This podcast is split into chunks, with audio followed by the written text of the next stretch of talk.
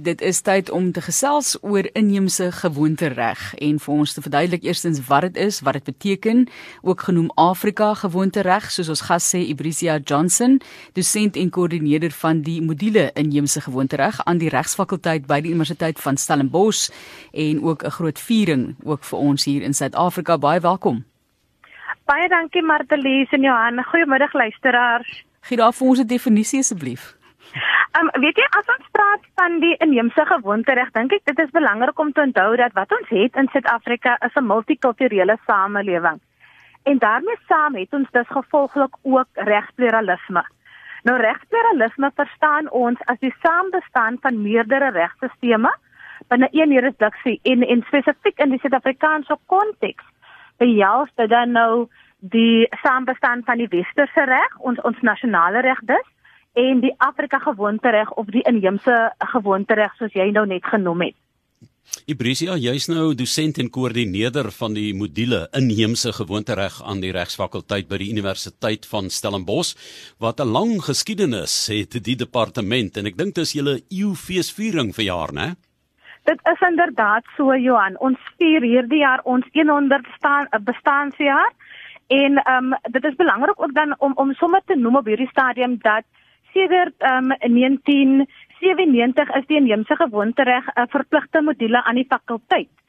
Um en en soos jy ook reg noem, interessant genoeg is dit dan nou ook deel van ons EP-vieringe. Um en ons het ook onlangs begin met 'n gepaardgaande program vernuwingsprogram vanaf so so gevolglik gaan die inheemse reg module veral vanaf 2023 'n verpligte module word vir alle graadkursusse. Um tot nou toe was dit nog net verplig vir alle BA regte en LLB 4-jarige studente, maar vanaf 2023 as gevolg van die belang daarvan in die Suid-Afrikaanse konteks, gaan dit 'n verpligte module word vir alle alle graadkursusse aan die fakulteit.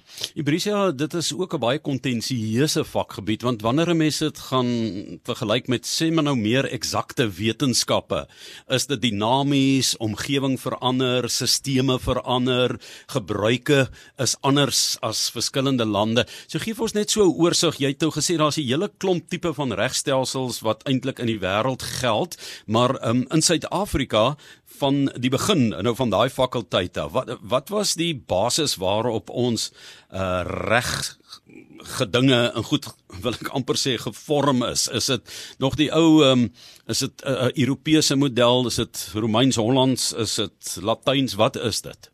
Dit is inderdaad korrek Johan um, ons ons historiese verloop is dat almal sal weet die luisteraars raar sal ook weet dat ons was op 'n stadium uh twee keer gesê deur die Nederlanders en twee keer deur die Engelse. En toe die Nederlanders gekom het, het hulle saam met hulle gebring die Romeins-Hollandse reg. Maar as gevolg van die Engelse besetting die wat twee keer plaasgevind het, um is ons wat ons noem ons gemeene reg, dus hierdie 17de eeuse uh, 17de en 18de eeuse Romeins-Hollandse reg, maar ook aangevul en uitgebrei deur die Engelse se reg. Maar tot op hede het die Suid-Afrikaanse reg 'n unieke karakter omdat ons ook grootendeels beïnvloed was deur hierdie Afrika gewoonte reg. Um wat dan ook 'n groot komponent uitmaak en omdat dit dan nou saam bestaan met ons huidige nasionale reg.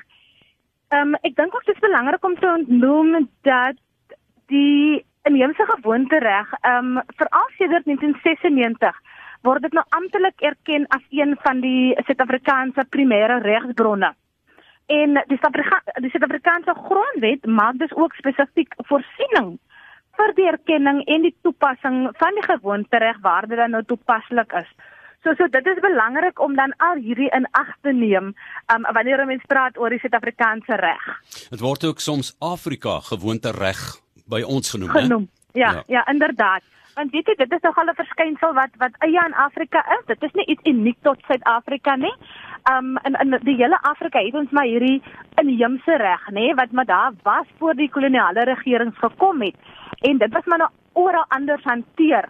In die Suid-Afrikaanse konteks was die inheemse reg veral onder die vorige bedeling um maar baie afgeskeep en en eintlik hanteer as tweedehands. Um en dit was byvoorbeeld onderworpe gestel aan wat ons ken as die teenstrydigheidsklausule En hierdie klousule het dan nog gesê dat die inheemse reg sou toepasbaar wees indienlik uh, met uh, geredelik en met voldoende sekerheid vasgestel kon word en indien dit nie bots met die bepalinge van natuurlike geregtigheid en die openbare beleid nie.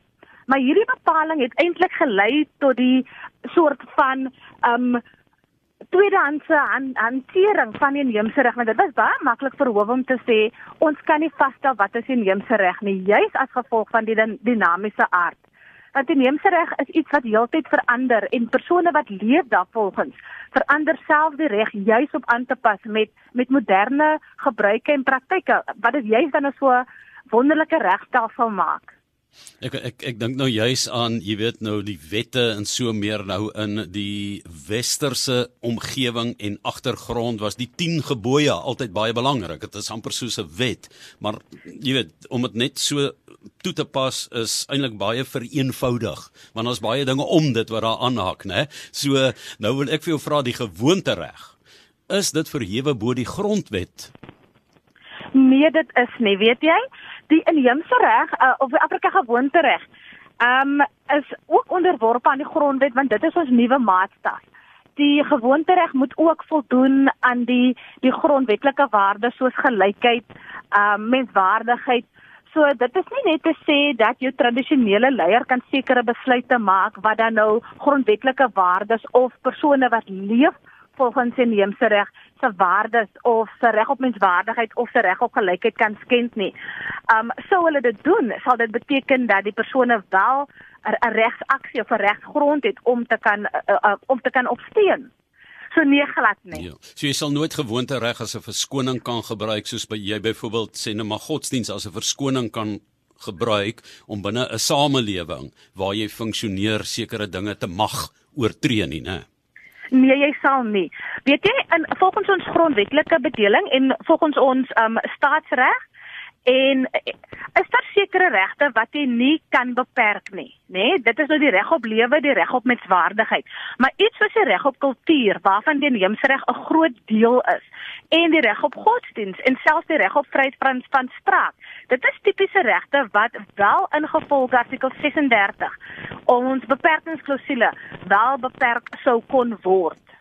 Voor ons nou 'n bietjie meer uitvind oor julle 100-jarige vieringe wat uh, mense dalk 'n groot belangstelling het wat in die regsbedryf is, nie net noodwendig by Stellenbosch nie, want daar is ook aanlyn seminare waarna mense kan gaan kyk en toesprake.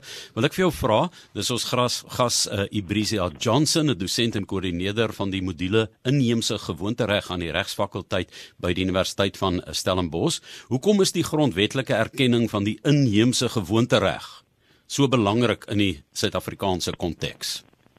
Weet jy, dit is belangrik om te onthou dat in die in die inheemse reg is belangrik veral soos ek reeds genoem het, die verhouding daarmee saam met die reg op kultuur. Ingevolge artikel 30 en 31 van die grondwet kan ons almal ons kultuur beoefen, ons taal praat, ons godsdiens be, beoefen, selfs in 'n kultuurgemeenskap behoort. Die erkenning van die inheemse reg, veral in die grondwetlike konteks, is belangrik vandag omdat ons weet ongeveer 27 miljoen mense in ons landelike Suid-Afrika leef volgens hierdie regstelsel. Um en en daar's 'n noue verband tussen die inheemse reg self as regstelsel, die godsdiens van persone wie leef hier volgens en die reg op kultuur. Um so so in die Suid-Afrikaanse konteks juis omdat dit so verskriklik afgeskeep was en en basies gelei het tot die um beëindiging en die beperkte beperkte erkenning on, uh, uh, ingevolge die vorige bedeling is dit belangrik dat ons die inheemse reg erken um ingevolge die grondwetlike bepalinge Net laastens 'n paar baie interessante dae wat julle ook vier. So, hoe gaan die 100 jaar gevier word? En dan kyk ons na alles van die strydom van 'n merwe aan 'n tydelike kunsinstallasie dan ook die jaarlikse menseregte lesing met regte Navi Pillay aanlyn vertel vir ons bietjie van alles wat voor lê. Van dit is al verby. Van dit was in Mei maand. So Augustus is daar nog datums wat voor lê. Ja, in Augustus is daar inderdaad datums wat voor lê. Op hierdie stadium wil ek egter net voorbrand maak vir die ronde tafel vir kundiges in die inheemse reg en hierdie spesifiek is dan geskeduleer vir donderdag die 21ste Oktober um, van hierdie jaar. Goed. Af, afhangend hoe dinge loop met die pandemie, is ek nog nie seker gaan dit aanlyn wees of gaan dit 'n kombinasie wees van 'n fisiese ronde tafelgesprek of um aanlyn nie.